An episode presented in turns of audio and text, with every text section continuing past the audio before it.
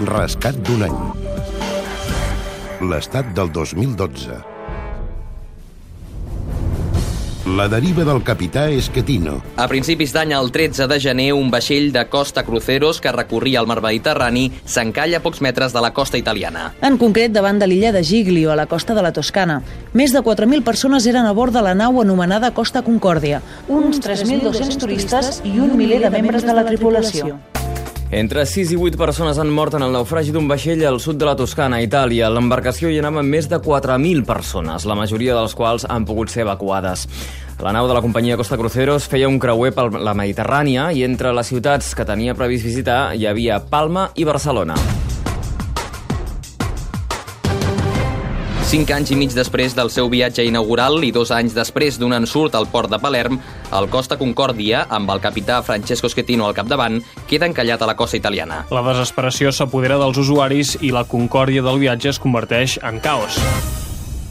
Jo vaig arribar al lloc on havia naufragat el Costa Concòrdia sola en un dels ferris que surten de Porto Santo Stefano fins a l'illa de Gillo. Montse Poblet, enviada especial de Catalunya Ràdio a l'illa de Giglio. Eh, La imatge del vaixell, tot i haver-la vist per televisió a les primeres hores del desastre, em va deixar sense paraules, perquè aquella massa de ferro inclinada sobre la costa era més gran que el poblet que tenia al costat i era, era molt impactant. I més si pensaves en la gent que hi havia atrapada i en la feina que hi havien de fer els equips de rescat.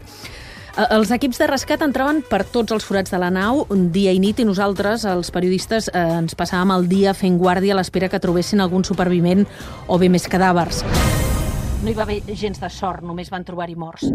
Passen les hores i a banda d'anar trobant cossos sense vida d'alguns passatgers, el debat comença a girar al voltant del paper del capità Schettino durant l'evacuació. No triguen a detenir-lo en saber-se que es va acostar massa a la costa perquè un treballador saludés a la família i, sobretot, perquè va abandonar la nau abans que tot el passatge fos desallotjat. Aquesta és la conversa entre el capità Schettino i la capitania de Livorno. Què està fent, capità? Sóc aquí per coordinar les tasques de rescat. Què està coordinant aquí baix? Ara mateix pugi a bord per coordinar les tasques de rescat des d'allà. S'hi nega? No, no, no, no m'hi nego pas. Es nega a tornar a pujar a bord? Digui'm per quins motius no hi va. No hi estic anant perquè hi ha una altra barca que s'ha aturat.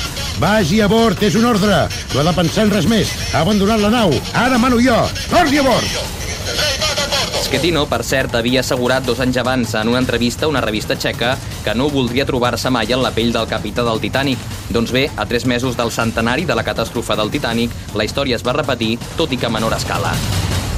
Un desenllaç al del Costa Concòrdia que alguns van assegurar que ja esperaven.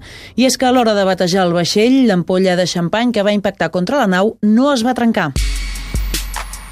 Així ho va viure una catalana que es va posar en contacte amb el matí de Catalunya Ràdio. És que la veritat és que aquest noi, quan li, li anàvem... Esclar, van passar tres quarts d'una hora des de que vam arribar al bot fins que ens va deixar pujar. I aquest noi ens estava dient és que no us puc deixar pujar perquè el capità no dona l'ordre que la gent pugi als bots salvavides i que hissem els bots salvavides. Schettino va quedar alliberat el 5 de juliol i ara demana la seva readmissió a la companyia. També vol que se li paguin les nòmines d'aquests mesos que no ha treballat perquè va ser acomiadat. Gairebé un any després i quan tot just comença el procés judicial, el vaixell continua encallat i la previsió és que les tasques de remolc s'allarguin fins a la primavera amb el cost de gairebé 250 milions d'euros. Mentrestant, ja se'n treu un rèdit econòmic. Centenars de curiosos s'acosten a Giglio cada dia. Una empresa italiana ofereix per 25 euros un viatge en vaixell per l'illa, amb parada inclosa a escassos metres, on 32 persones, entre elles un mallorquí de 68 anys, van morir ofegades.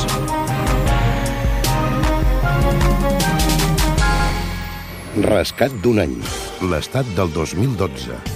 Edició Joan Bota i Marc Urado. Producció Anna Escura i Mercè Ribas. Muntatge musical Joaquim Garcia.